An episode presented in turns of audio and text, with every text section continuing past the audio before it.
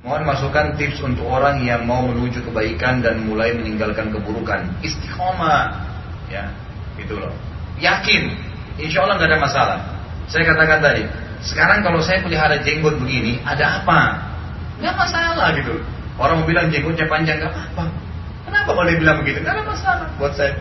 Oh orang isbal, oh ini orang sudah anu ya, sudah sholat di masjid ya. Oh ini anu ya alim ya, tidak apa-apa. Alhamdulillah. Jangan terpengaruh dengan isu-isu begitu, nggak ada masalah istiqomah jalan gitu.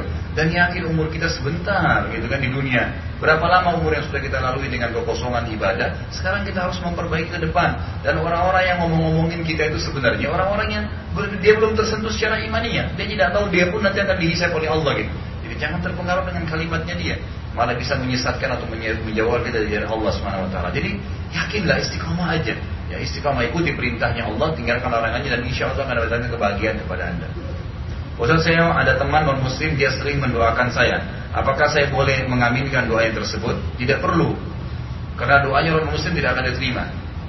Itu jelas sekali hadisnya ya. Ini mutlak namun saya katakan. Karena Nabi SAW mengatakan tentang Yahudi tadi kan, waktu mengatakan kematian untuk kata Nabi, doa kita kepada Allah untuk mereka diterima, doa mereka kepada Allah untuk kita tidak diterima. Jadi tidak diterima doanya. Jadi nggak perlu anda mengaminkan, gitu kan? Masalah dia mendoakan. Malah sebaliknya anda yang boleh mendoakan dia. Kalau dia mendoakan bilang, saya doakan kamu ya semoga engkau diberikan hidayah. Kalau anda ragu dia nanti ter, terganggu dengan itu bahasa bahasa Arab saja, Allah mahdi. Apa apa? Gitu kan semoga Allah kasih hidayah. Gitu. Keluarga saya sudah pisah posisi sebagai anak di sini. Bapak dan ibu saya sudah berumah tangga lagi. Apa saya berkewajiban memberi sebagian rezeki saya kepada mereka, sedangkan saya tinggal saya ditinggal sejak kecil. Kalau orang tua anda tidak mampu, maka anda punya kewajiban membantu gitu kan. Tapi kalau orang tua mampu tidak ada kewajiban. Karena beda kewajiban orang tua terhadap menafkahi anak dengan anak menafkahi orang tua. Tidak ada kewajiban anak kepada orang tua. Masalah itu ya. Tapi kalau orang tua dalam kondisi susah maka mereka lebih pantas untuk dibantu. Masalah anda ditinggal sejak kecil jangan dihubungkan dengan itu. Jangan dibalas keburukan dengan keburukan. Kan gitu tidak usah. Ibu saya ternyata dulu berzina dengan ayah saya itu kan saya anak zina apakah saya tetap berbakti pada ibu saya iya jawaban karena ada hubungan dengan mereka berbuat salah dengan perilaku mereka, tapi anda tidak salah dengan anda lahir dalam keadaan itu. Takdirnya Allah Subhanahu Wa Taala sudah jalani saja, gitu kan? Jadi nggak ada hubungannya. Ketika puasa sunnah ada undangan makan siang dari kantor. Apakah benar jika saat puasa sunnah ada undangan dan ada hidangan dianjurkan untuk berbuka? Sudah saya jelaskan tadi ya. Jadi sebaiknya nggak usah berbuka puasa. Kecuali memang kalau darurat sekali. Ya, karena sayang kalau anda batalkan. Tapi boleh ya, bukan tidak boleh karena puasa sunnah. Apakah haram hukumnya jual beli falas? Apakah sama hukumnya dengan pernikah, eh, permainan dadu? Tidak, berbeda. Falas boleh, karena dihitung falas itu sama dengan emas. Dia kalau berbeda memang jumlahnya. Asal memang berbeda ya. Misal contoh dolar memang nilainya 10 ribu rupiah per satu dolar. Lalu kita jual dengan seperti itu atau transaksi itu tidak ada masalah. Karena memang dia bernilai, dianggap nilai emas oleh para ulama sama dengan nilai emas. Tapi kalau misalnya seperti kalau mau lebaran tuh biasa. Ada orang-orang ngambil uang-uang baru 100 ribu ditukar dengan 110 ribu. Nah itu yang tidak boleh. Karena rupiah sama rupiah sama nilainya. Lalu dinaikkan ini yang tidak boleh. Jelas ribanya. Dikatakan ulama ini ainul riba. Tapi kalau falas uang dengan uang berbeda itu tidak ada masalah. Ketika safar pakaian kita terkena air kencing anak kecil, sementara tidak membawa pakaian ganti, bagaimana cara membersihkan? Sudah saya ajarkan tadi ya. Jadi tinggal dibersihkan bagian yang itu saja. Assalamualaikum warahmatullahi wabarakatuh. Ustaz saya mau nanya apakah waktu mandi wajib kita harus sampuan? Terima kasih sebelumnya. Tidak wajib. Tidak wajib sampo, nggak wajib sabun. Tapi boleh sunnah. Yang penting anda jalankan sunnah Nabi SAW mandi. Karena ini kan ditanyakan apakah diwajibkan. Jawabannya tidak, gitu kan? Karena tidak ada penyampaian dari hadis Nabi SAW wajib menggunakan wangi-wangian.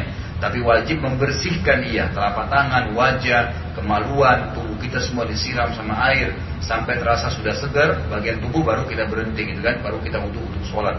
Itu sudah dianjurkan Nabi SAW. Tapi kalau anda mau lengkapkan dengan sampo, dengan sabun itu tidak ada masalah. Ya itu tidak ada masalah insya Allah selama bahan-bahannya bukan bahan yang haram. Apakah sama sahihnya membaca zikir pagi sore seperti yang di buku dua Ustaz dengan maksurat ya, Hasan al-Banna? Saya tidak tahu kalau masalah Hasan al-Banna sama atau tidak ya. Tapi yang jelas Eh, buku zikir pagi dan sore itu zikirnya sudah masyhur, sudah ma'ruf gitu, dikenal. Yang penting ada referensinya jelas hadisnya mana rujukannya maka insya Allah dipakai gitu. Ya, saya tidak bisa pastikan sama. Tapi kalau buku dua yang saya kasih anda itu terjemahan Hizbul Muslim dari bukunya apa Al-Qahtan, salah seorang penulis di Saudi. Memang beliau sangat terkenal tuh bukunya, dikenal di Saudi pun banyak dibagi-bagi di kitab musim haji, terjemahan itu. Memang beliau tulis semua buku-buku 132 doa, di antaranya dua zikir pagi sore. Dan itu cukup lengkap beliau tulis. Allah saya Bagaimana hukum makan daging dan minum susu unta? Apakah sama harus berwudu setelahnya? Iya. Kalau makan dagingnya itu dianjurkan berwudu, tapi kalau minum susunya tidak. Sebagaimana dijelaskan dalam hadis Bukhari masalah itu.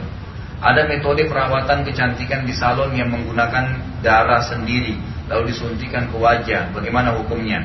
Tetap tidak boleh. Darah kalau sudah dikeluarkan, dimasukkan lagi, ya, itu lebih baik jauh, dijauhi. Ya, apalagi dari termasuk dari diri sendiri. Karena ini Allah alam yang saya ketahui begitu. Karena Nabi SAW pada saat berbekam menarik darah dari tubuh beliau itu semuanya dibuang. Yang masalah tadi ada darah diambil, dan dikeluarkan kemudian dimasukkan kembali ini seakan-akan bentrok dengan perilaku Nabi SAW pada saat bekam itu ya walaupun darahnya itu sifatnya darah segar atau apa saja ya jadi lebih baik dijauhi. Dan insya Allah biiznillah dengan tidak menggunakan itu pun insya Allah bisa ya. Lebih dengan cara-cara lain ya. Seperti banyak sekali akhwat kita yang sudah meninggalkan ya. Seperti terapi menggunakan atau uh, menjaga kulit itu dengan minyak zaitun misalnya. Yang sudah masyhur dari zaman Fir'aun dulu. Dari zaman eh, ratu-ratu raja-raja dulu itu mereka menggunakan banyak minyak zaitun yang ada yang dikonsumsi dimasukkan ke dalam badan ada yang dipakai dalam perawatan di luar tubuh. Kemudian menggunakan madu yang asli sebagai masker di wajah kan banyak sekali gitu. Yang anda bisa kembali pada pengobatan nabawiyah. Itu sudah jelas gitu. cuman banyak muslimah tidak kembali ke situ gitu. Apa Ustaz ada teman yang tanya dia apa ini? Oh dia pernah ke restoran Ustaz di Kalibata. Sempat menanyakan soal sertifikasi halal MUI di restoran Ustaz. Apa benar? Belum ada? Memang belum ada Ya memang saya belum urus di MUI Tapi saya jamin anda insya Allah Karena kambing setiap hari disembeli dengan cara Islam gitu kan. Dan yang lainnya dipakai semua bahan-bahan dasar Semuanya rempah-rempah gitu. Ya, Jadi semuanya dipakai dengan cara seperti itu. Yang butuh sertifikasi MUI memang itu Kalau eh, kalau memang diragukan Ada sesuatu yang syubhat yang tidak jelas gitu kan itu kurang lebih saya sampaikan begitu. Saya pernah membaca di satu ayat di Al-Quran di ayat tersebut ada ayat yang menyatakan janganlah engkau paksa budakmu untuk melakukan pelacuran sungguh Allah maha pemaaf setelah mereka dipaksa untuk melakukan pelacuran e, apa ini tersebut ya apa maksud ayat ini Ustaz? Apakah perbudakan itu masih dibolehkan agama e, hingga saat ini? Apa masih ada manusia yang mau diperbudak saat ini? Jadi sebenarnya ada hadis yang menjabarkan masalah ayat. Jadi kata Nabi Wasallam, siapa yang memaksa budaknya untuk melakukan perbuatan haram, zina atau liwat atau homoseksual, maka dia akan disiksa oleh Allah SWT pada hari kiamat. Berarti memang ada ancaman, ada larangan. Jadi larangan untuk melakukan itu. Kalau apakah ada budak? Ya tergantung. Kalau ada peperangan maka akan ada perbudakan dan itu berlaku sampai hari kiamat. Siapa pun yang dikalahkan dalam peperangan dalam Islam, kalau Islam menang, maka yang dipasukan perang itu menjadi budak yang bisa diperjualbelikan dan dididik dengan cara Islam dan dibebaskan. Gitu kan? Itu memang ada dalam Islam. Kalau masalah masih ada atau tidak sekarang ini saya sudah katakan dan sampai hari ini masih ada tapi di Mauritania atau di tempat di Afrika. Kalau di seluruh dunia lain saya tahu saya ulama belum ada bahas gitu. Dan sampai hari ini kalau ada orang mau bebaskan budak itu masih dibayar sekitar 10 ribu real. Kalau di Saudi sekitar 25 juta dikirim ke sana dan dibebaskan budak. Sewaktu perang dengan Yahudi Bani Quraidah, apakah semua laki-laki dari Bani Quraidah dibunuh? Atau yang ikut perang aja? Dari mana pula asalnya orang-orang Yahudi tersebut bila ada di Jazirah Arab atau Madinah? Apakah karena mereka waktu itu tersesat di bumi selama 40 tahun yang menyebabkan mereka sampai ke Madinah? Kalau Bani Quraidah memang dibunuh semuanya. Laki-lakinya dibunuh yang siap untuk berperang waktu itu. Tapi orang tuanya yang tidak ikut berperang, anak-anaknya tidak. Dan ini memang karena mereka berbuat masalah yang di Madinah itu ada kisah sendiri nanti kita bahas di Sirah pelajaran Sirah kita akan disinggung nanti tentang masalah Bani Quraidah. Jadi memang laki-lakinya semua dibunuh dalam riwayat Sahih dikatakan sesuai dengan hukumnya saat radhiyallahu pimpinan orang Ansar. Tentu ada kisah sendiri ya berhubungan dengan masalah ini. Kalau masalah orang Yahudi, bagaimana mereka bisa ada di sana? Kalau anda ikuti awal pelajaran sirah kita saya sudah jelaskan. Jadi Yahudi itu mendapatkan dalam kitab Taurat bahwasanya akan ada nabi terakhir keluar di kota namanya Yathrib. Yathrib ini ciri-cirinya adalah banyak pohon-pohon uh, kurmanya dan mereka temukan itu adalah kota Madinah. Itu adalah kota Madinah. Dan itulah asalnya kenapa mereka kembali, kenapa, kenapa mereka tinggal di Madinah karena mereka tahu adalah Mahjarun Nabi, tempatnya Nabi hijrah sebagaimana dalam Taurat gitu. Dalam Islam apakah dibolehkan untuk mengungkapkan keter, ketertarikan dengan mengutarakan niat baik untuk menikahi seorang muslimah? Sementara wanita tersebut sedang dalam masa proses ta'aruf dengan laki-laki lain. Bagaimana hukumnya dan bagaimana sebaiknya? Boleh selama tidak melanggar agama. Di antaranya contoh adalah beberapa sahabat yang pada saat mereka pulang dari peperangan dan mendapatkan istri ya sahabat-sahabat Nabi yang lain yang mereka sudah tahu sebelumnya gitu kan meninggal suaminya mereka mengatakan, tapi caranya begini, pada saat sahabat ya, mereka lewat depan rumahnya lalu mengatakan, ya ummu fulan. Jadi misalnya ada anaknya siapa, disebutkan ummu fulan, namanya anaknya siapa. Ya, kalau selesai masa iddahmu, beritakanlah kepada kami, beritakanlah kepada kami. Jadi dia maksudnya kami akan datang untuk melamarmu. Sampai begitu retorika yang disampaikan oleh para sahabat. Juga kadang-kadang beda ya. Ada juga di antara sahabat yang begitu melihat tertarik langsung dia membahasakan dengan baik tapi bukan berduaan mengatakan bahwasanya saya akan melamar kamu dan menikahi kamu. Ya seperti banyak kasus di antara sahabat pada saat mereka hijrah dari Mekah ke Madinah mereka mau menikah di Madinah lalu mereka membahasakan kepada wanita Ansar mengatakan kami ingin menikah dengan kalian. Maka langsung diizinkan menikah dan menikah. Jadi boleh mengungkap itu tidak ada masalah. Itu boleh diungkapkan gitu kan? Tapi dengan cara-cara yang syar'i tidak boleh ada khalwat tidak boleh berduaan seperti kalau khidbah boleh kita ketemu dengan dia sementara ada mahramnya gitu kan. Apakah ada apakah ada larangan atau batasan menyelanggarkan lamaran atau akad akad nikah saat bulan Ramadan? Tidak ada larangan sama sekali. Ya, sama sekali tidak larangan di bulan Ramadan. Cuman Anda saja yang terganggu nanti, gitu kan? Karena bulan Ramadan nggak bisa berhubungan susah. Sementara orang menikah sudah jelas dia akan berhubungan biologis, gitu kan? Jadi sebaiknya ditinggalkan nanti aja setelah Ramadan. Tidak usah buru-buru. Salah satu produk sepatu terkenal diduga menggunakan kulit babi. Apakah kalau kalau kita gunakan sepatu tersebut haram? Jelas haram, nggak boleh. Dan sudah pernah saya jelaskan juga di pertemuan kita ini. Babi itu diharamkan makan dagingnya, diharamkan pakai apa pun berhubungan dengannya. Dari tulang yang dijadikan sebagai bedak seperti di bagian sebagian di daerah di Swiss, kemudian juga dijadikan apa lemaknya sebagai bagian e, gelatin untuk makanan, untuk pelembut apalah itu semua sama, tidak boleh. Mulutnya dipakai untuk sepatu, untuk baju semua tidak boleh karena memang haram. Bagaimana kalau kita kebelet ke toilet lalu mencari toilet yang ada airnya untuk cebok tidak ada. Lalu kita cebok pakai tisu basah, apakah boleh? Apakah dosa? Kalau tisu basah setahu saya tidak boleh ya. Karena tisu basah itu sudah ada pewanginya biasanya, gitu kan? Jadi anda sebaiknya pakai air, gitu kan? Pakai air. Kalau memang darurat tidak ada air sama sekali, maka anda boleh menggunakan batu gitu kan? Mungkin sekitar situ mungkin ada bagian dari itu yang yang memang digunakan. Kalau memang tidak ada sama sekali ya apa boleh buat gitu kan? Anda kalau untuk sementara menggunakan tisu basah pun untuk membersihkan anda gunakan tapi tetap itu berarti belum bersih ya. Itu belum suci. Kecuali anda pastikan memang tisu itu murni cuma air putih biasa tidak ada campuran pewanginya atau apa saja. Karena air yang sudah berubah baunya atau berubah warnanya tidak layak untuk dipakai bersuci. Seperti minuman soda misalnya sudah berubah warna berubah rasa nggak boleh lagi dipakai beruduk gitu kan? Beda dengan air mineral yang masih air murni. Bagaimana pada Ustaz mengenai kodok sholat fardu dengan kondisi tertidur atau lupa? Ketiduran. Boleh. Ya sebagaimana sabda Nabi SAW siapa yang lupa sholat baik tidur ataupun dia lupa kemudian dia mengingatnya maka dia wajib mengerjakan kapan dia mengingatnya apabila sengaja ditinggalkan selama berbulan-bulan atau bahkan tahunan karena yang saya ketahui para ulama berbeda pendapat soal ini. Apa ini maksudnya? Apabila sengaja ditinggalkan selama berbulan-bulan atau bahkan tahunan. Oh tentang masalah kodah ya. Artinya dia tidak mengerjakan sholat itu karena dia mendapatkan bersama pendapat ulama.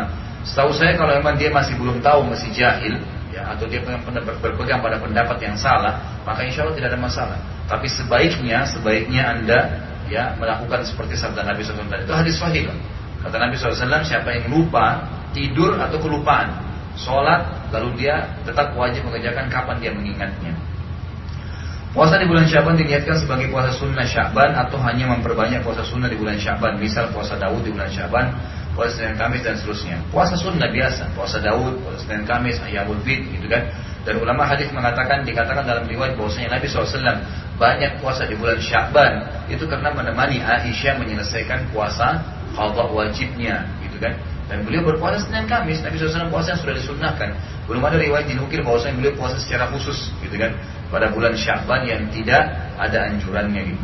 Saya bekerja di kantor yang bekerja sama dengan beberapa perusahaan barang saya bagian pemesanan barang ke perusahaan-perusahaan tersebut. Jika saya memesan barang di perusahaan tersebut dengan jumlah tertentu, saya akan mendapatkan komisi di perusahaan tersebut. Apakah komisi yang saya berikan terima itu sifatnya halal Ustaz? Itu akan jadi halal kalau Anda tanyakan kepada perusahaan yang Anda kerja. Selama kita terikat menjadi pegawai di sebuah perusahaan, berarti kita bagian daripada perusahaan itu. Apa pun yang menjadi income ya perusahaan itu disebabkan karena kita berarti milik perusahaan itu bukan milik kita pribadi gitu kan itu bukan milik pribadi. Karena kita beli barang dari situ dan uang yang dipakai uang perusahaan. Bukan uang anda pribadi bukan anda keluar dari perusahaan tidak. Anda beli pakai uang perusahaan sama dengan anda dipakai uang anda oleh teman anda untuk beli barang lalu dapat diskon. Apakah anda mau teman anda yang ambil diskonnya Tuhan kembalikan kepada anda? Tentu anda mau kembali kepada anda gitu kan? Sama itu. Maka itu kembali ke perusahaan tanyakan kalau saya beli barang ternyata dengan kuantiti sekian itu dapat diskon sekian. Ya, apakah ini punya saya atau saya kembalikan perusahaan? Perusahaan maka kembalikan perusahaan, kembalikan aja. Tidak usah khawatir. Allah SWT akan memberikan rezeki daripada kita makan yang haram dan berbahaya bagi kita. Jika urin uh, terpercik ke celana, lalu kita hendak sholat, bolehkah celana yang terkena percik urin tadi dibasuh saja dengan air bersih? Boleh, selama kita yakin insya Allah sudah hilang. Ustaz bagaimana jika wali dari seorang perempuan beragama Nasrani ingin menikahkan anaknya yang seorang muslim dan pernikahan Islam? Tidak boleh. Ya tidak boleh, tidak sah walinya orang non muslim kepada anaknya yang muslimah. Tidak boleh, tidak sah. Jadi langsung pindah ke wali hakim. Langsung pindah ke wali hakim. Bagaimana hukum minyak wangi yang parum atau beralkohol? Apakah sholat kita tetap sah? Sudah saya jelasin. Alkohol itu sifatnya najis maknawi. Secara makna tidak menajiskan. Makanya para sahabat untuk memecahkan kendi-kendi khamar mereka turun ayat Allah SWT mengharamkan khamar. Innamal khamru wal maisir wal ansab wal azam dijun amin syarif wajtaibu la'allakum tuflihun ya sesungguhnya judi, mengandung nasib, gitu kan, khamr adalah perbuatan setan maka jauhilah, tinggalkan. Ya, itu waktu itu sahabat mencari kendi-kendi mereka. Lalu khamr itu kena baju-baju mereka dan mereka sholat. Ya, sementara mereka tidak mencuci lagi bajunya. Berarti boleh. Itu kan sementara khamr itu mengandung alkohol pada saat itu. Makanya ulama mengatakan najisnya maknawi secara makna saja. Jadi tetap sah. Keponakan saya umurnya 3 tahun bisa melihat jin dan kadang diganggu sampai keponakan saya kesakitan. Bagaimana penanganannya? Di rukyah. Memang biasa syaitan begitu. Ke anak-anak, orang dewasa harus di rukyah. Dibacain ayat Al-Quran dan itu ada panduan sendiri. Itu kan ada panduan. Anda boleh cari buku-buku rukyah. Apakah dalam Islam ada istilah indigo? Setahu saya tidak ada. Gitu kan? Setahu saya ya, saya pernah dialog itu tidak ada dalam Islam. Ada orang memang yang sifatnya cerdas, Ya kalau dimaksud dengan ini hanya cerdas melampaui kapasitas kecerdasan manusia biasa, gitu kan? Itu gak ada masalah. Tapi kalau indigo ini dikatakan punya indera keenam lah bisa lihat uh, ruh-ruh jin kan gitu. Bisa berbicara dengan jin, bisa mengetahui nasibnya orang ini semua sama sekali tidak benar. Ini permainan jin saja. Tapi kalau tadi kalau cuma kecerdasan seperti Imam Syafi'i, Imam Ahmad hafal Quran dalam umur 5 tahun, 6 tahun, di atas kapasitas orang-orang biasa gitu ada yang uh, umur 3 tahun sudah hafal Quran gitu kan hafal hadis sekian banyak jutaan hadis dalam umur 12 tahun dalam umur 15 tahun itu luar biasa gitu itu ada. Tapi kalau melihat hal-hal yang aneh-aneh tadi berhubungan dengan alam syaitan maka itu tidak ada sama sekali. Itu permainan syaitan. Apa dan bagaimana LDD, LDID itu? Kenapa dikatakan menyimpang? Sebenarnya mereka lebih cenderung kepada eh, apa namanya eh, penyempitan ya penyempitan pemahaman tentang Islam gitu kan menganggap orang lain selain mereka itu tidak benar, tidak suci. Kalau sholat di masjidnya dibersihin, kalau ada orang muslim yang lain gitu kan. Dianggap orang-orang lain itu sudah salah dan mereka yang benar. Ini pemahamannya. Tapi kalau unsur akidah yang dasar saya kurang tahu ya. Yang saya tahu cuma sampai kepada saya masalah itu dan saya tidak pernah e, menyinggung-nyinggung mereka sesat atau tidak. Saya tidak berani membahasakan itu. Tapi yang saya bahasakan kalau ada perilaku yang saya tahu seperti tadi misalnya ada orang ke masjid kemudian hadir, ya, jangan ditambah lagi pak ini aja sudah ngos-ngosan saya buru-buru bacanya. Baik. Jadi kalau seandainya yang saya tahu adalah mereka kalau ada tamu masuk masjid lalu bukan golongan mereka dibersihin gitu kan. Ini keliru, ini pemahaman yang keliru. Ini yang mesti diluruskan. Kalau yang lain saya belum tahu. Mungkin kalau ada ustadz-ustadz lain yang punya jawaban nanti silakan bisa diberikan gambaran kepada teman-teman di pengajian masing-masing. Bagaimana hukumnya memakan daging dari hewan yang tidak disembeli dengan pisau, misalnya dicekik tetapi mengucap bismillah atau disembeli secara massal dengan mesin gitu kan. Nah, kalau kalau tidak disembeli tidak boleh. Yang tidak boleh harus disembeli kan gitu. Karena sembeli hukum mutlak dalam masalah hewan yang boleh dimakan. Jadi disembeli kecuali hewan lautan. Hewan air tidak perlu disembeli gitu kan. Jadi bangkainya pun halal tadi. Tapi kalau di darat atau di, di, di udara tetap harus disembeli. Nggak ada sama sekali dibolehkan dalam ayat ataupun dalam hadis itu tanpa disembelih. Malah sebaliknya. Itu kan Nabi SAW contohkan dengan sembelihan di hewan kurbannya. Beliau menyebutkan juga hewan yang tidak disembeli, tidak disembeli dengan uh, dengan dengan nama Allah maka tidak boleh dimakan, gitu kan? Tidak boleh dimakan dalam hadis Tirmidzi dikatakan. Jadi harus disembeli. Kalau cikik nggak boleh. Kalau dipotong pun dengan cara masal mesin, itu saya takutnya tadi tidak tidak dipotong ya. Jadi saya tangkapnya itu mesin-mesin tadi ayam di Perancis itu ternyata kepalanya itu dicabut ya. Jadi dimasukin di satu lubang, kepalanya tercabut, ya, kemudian bulunya dikenain air panas gitu. Jadi ayam itu mati dengan cara itu, bukan dengan cara sembelihan. Maka ini dijauhi gitu. Berkaitan dengan najis, bagaimana kasus dengan gamis muslimah yang melebihi mata kaki yang terkadang menyapu jalan? Apakah pakaian dapat digunakan untuk sholat? Boleh, selama memang sudah jelas tidak. Kita masih umum ya, tidak tahu. Tidak tahu dia najis atau tidak kembali kepada hukum dasar. Tapi kalau jelas ada najis yang terkena, warnanya berubah, ada baunya, itu kan baru dikatakan ya apa namanya batal atau tidak bisa dipakai sholat. Seperti misalnya saya pernah jalan dengan salah seorang teman, kebetulan beliau dosen di Ummul Qura di Mekah. Lalu saya jalan sama-sama di satu pulau gitu di, di Indonesia ini, jalan kaki nggak pakai sendal gitu. Kemudian kami keliling-keliling begitu tiba waktu sholat, nah, saya tidak pakai dia tidak pakai sendal. Lalu saya mau wudhu lagi gitu kan. Dia sempat bilang sama saya, kenapa akhirnya ente wudhu? Dia bilang, tadi kan kita sudah jalan, tidak pakai tidak pakai sendal. Ini kan posisinya di pulau mungkin ada kencing uh, apa namanya anjing di situ itu ada anjing kan kencing anjing ada kotoran ayam dia bilang ente pasti nginjak nggak tadi saya bilang nggak kenapa harus wudhu hukum dasarnya adalah hukum dasar mutlak ya hukum dasarnya adalah hukum dasar tidak ada tanah itu dasarnya suci jadi kalau jelas kita nggak injak hal-hal yang najis maka tidak ada masalah lalu beliau sebutkan riwayat Ternyata riwayatnya juga saya baru tahu waktu itu. Beliau mengatakan riwayat sahih bahwasanya Umar radhiyallahu anhu pernah jalan ke masjid bersama dengan salah seorang sahabat yang lain. Lalu ada sahabat dari tingkat dua rumah nyiram air gitu. Keperciklah ke baju sahabat yang satu sebelahnya Umar. Lalu dia angkat kepalanya ke atas bertanya, air apa yang kamu lempar? Umar tahan, tahan tangannya supaya jangan bertanya lagi. Yang di atas dilarang untuk menjawab. Lalu Umar menjelaskan radhiyallahu anhu bahwasanya hukum dasarnya air adalah suci. Kecuali kalau kamu jelas melihat warnanya berubah, baunya berubah, baru dia najis. Kalau tidak, maka tidak ada masalah. Saya apa ini? Uh, Ustaz mau tanya, apakah setiap makanan yang tidak baik dikonsumsi maka hukumnya menjadi haram? Tidak juga. Tapi kalau dia berefek negatif, gitu kan? Dia memang tidak halal ya. Tapi maksudnya efek negatifnya lebih besar. Mungkin makanan itu karena sudah lama, misalnya ya kita atau lewati masa expire-nya masih bagus, tapi sudah nggak layak sebenarnya itu dikonsumsi, maka ini dijauhi. Ada sebagian ulama mengatakan masuk dalam kategori haram kalau dia sudah jelas membahayakan. Jika kita melakukan transaksi jual beli dengan cara yang halal dengan seorang pembeli yang kita ketahui memiliki penghasilan yang haram, maka apakah hasil dari keuntungan jual beli tersebut termasuk haram? Jawabannya tidak. Kalau transaksi jual beli, gitu kan? Jadi tidak ada masalah. Kalau jual beli, Nabi SAW transaksi dengan orang Yahudi. Orang Yahudi jelas pendapatannya masih simpang siur. Nabi SAW transaksi. Tengah transaksi biasa saja.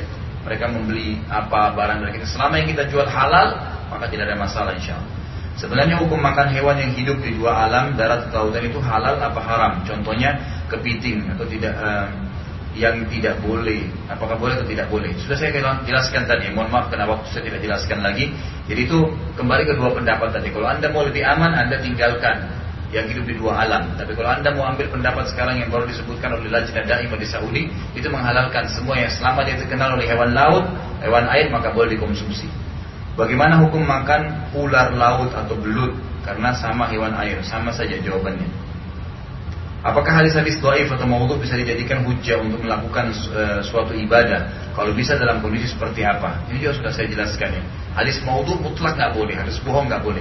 Hadis doaif itu masih ada yang membolehkan tapi dengan beberapa syarat. Tidak bertolak belakang dengan hadis sahih atau hasan di atasnya dan tidak berhubungan dengan masalah akidah dan juga tidak terlalu lemah. Bukan karena lemah ada perawinya yang membohong. Tapi kalau sifatnya cuma baik biasa maka boleh saja.